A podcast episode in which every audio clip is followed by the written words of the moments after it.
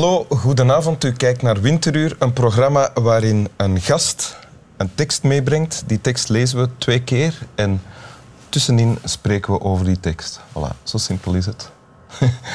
Welkom.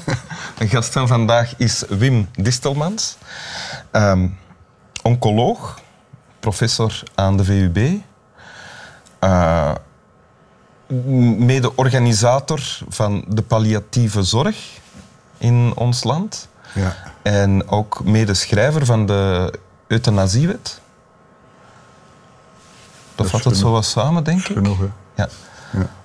Oersnor ook. U had al een snor in de tijd dat het nog niet hip was om een snor te hebben. Ja, Ja, zoals, absoluut. zoals andere grote, Guy Mortier, John Cleese, Hitler. Sorry, nee, Hitler Stalin. Stalin, dat is waar. Ja, man van staal. Ja. Moordenaar. U bent ook al moordenaar genoemd. Absoluut. En toen had ik de snor ook. Toen had u de snor Ja. ook. Ah, ja, oké. Ja. Goed, en u hebt een tekst meegebracht. Ik heb een tekst meegebracht. Ehm, die komt uit dit boek. Kleurig boek. En Ons dat, levenseinde humaniseren. ja, en dat is eh, geschreven door Hugo van den Enden, Mhm. moraalfilosoof van Universiteit van Gent. Reeds in 1995, toen er nog geen sprake was van euthanasiewet. Maar Mhm. dit boek is eigenlijk een pleidooi om euthanasie wettelijk mogelijk te maken. Oké. En u las het toen ook, in 1995. Ik heb het toen gelezen in één ruk. En ehm, het was ongelooflijk inspirerend voor wat ik nadien. Want u was al bezig met palliatieve zorg. Ik was al bezig van midden 1980 met eh, palliatieve zorg. Zeer intensief. Heel moeilijk ook trouwens. Want niemand wou daar eigenlijk eh, geld voor geven. En niemand was erin geïnteresseerd. En dus die palliatieve zorg was al heel ver gevorderd op het moment dat we nadachten om de euthanasiewet te laten stemmen. En toen las u dit. En toen las ik dit. En dat gaat als volgt. De stervende is in onze samenleving in toenemende mate nog eigenaar, nog regisseur van zijn eigen stervensproces. Hij verzeilt veelal, gewild of ongewild, in medische en paramedische handen en systemen.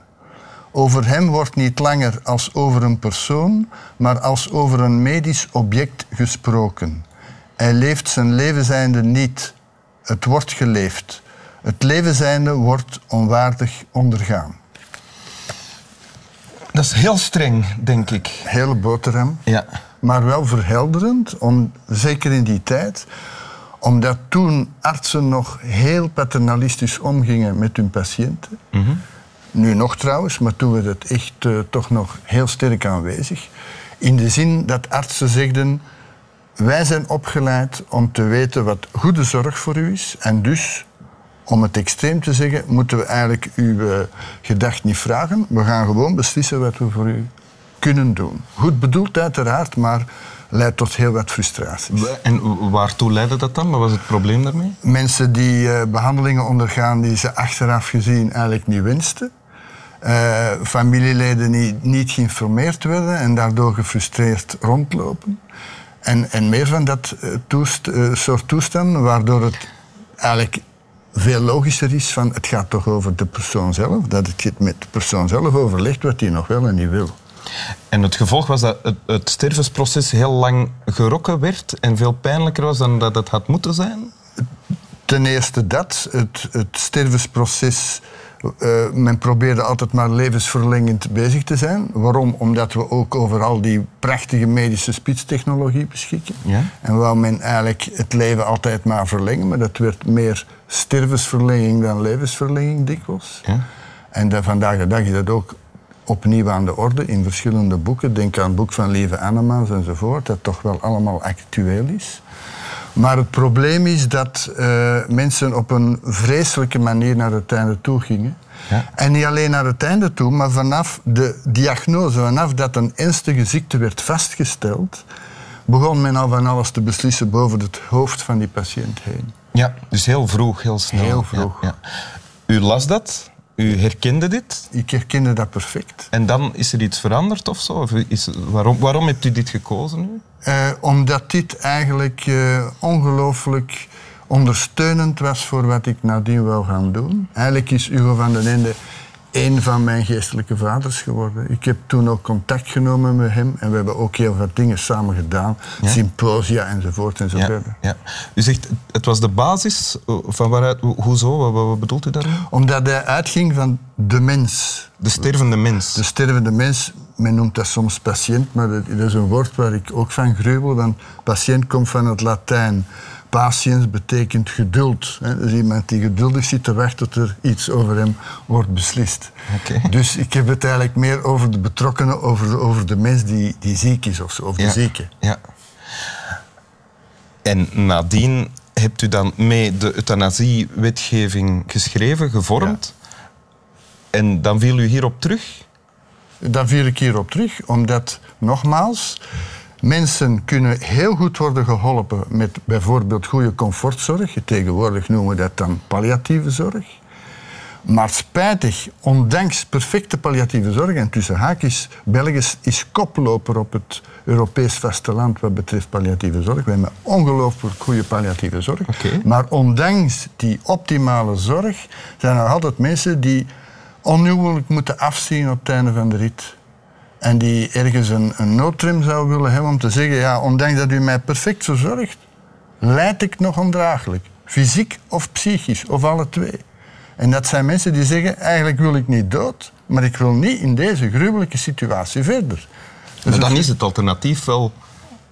Eigenlijk een beetje kiezen voor het alternatief, zijnde een zelfgekozen leven zijn. Ja, ja. En, uh, en daar is denk ik die wet voor bedoeld. En ik weet uit ervaring dat de buitenlanders jaloers zijn op onze wetgeving. Ja, maar uh, toen de wetgeving tot stand kwam, in de, de periode voordien en ook nadien, hebt u, met, ik zei daarnet moordenaar, u bent moordenaar genoemd geweest. Eh, verschillende keren. Hebt u dan zelf nooit getwijfeld van ben ik al goed bezig?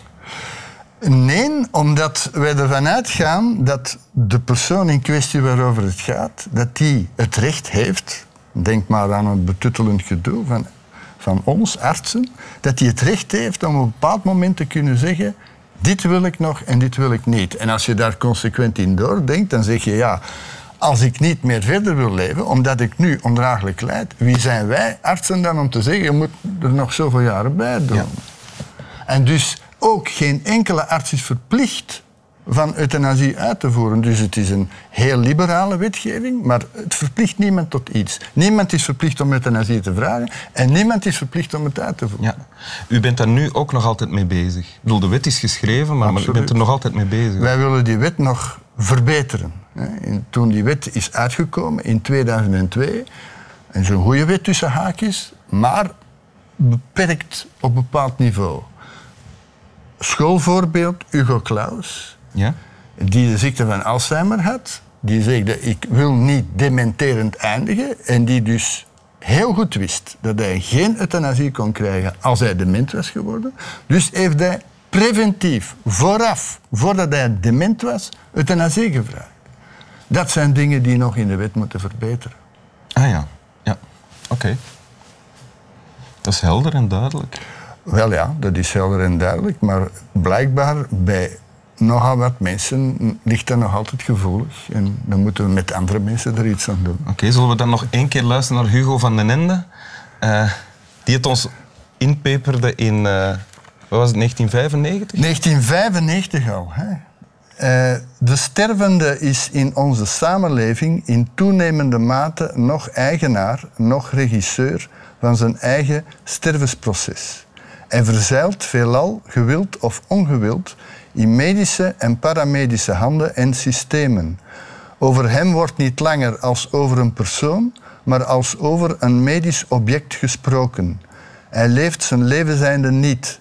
Het wordt geleefd. Het leven zijnde wordt onwaardig ondergaan. Dank u. Slap wel.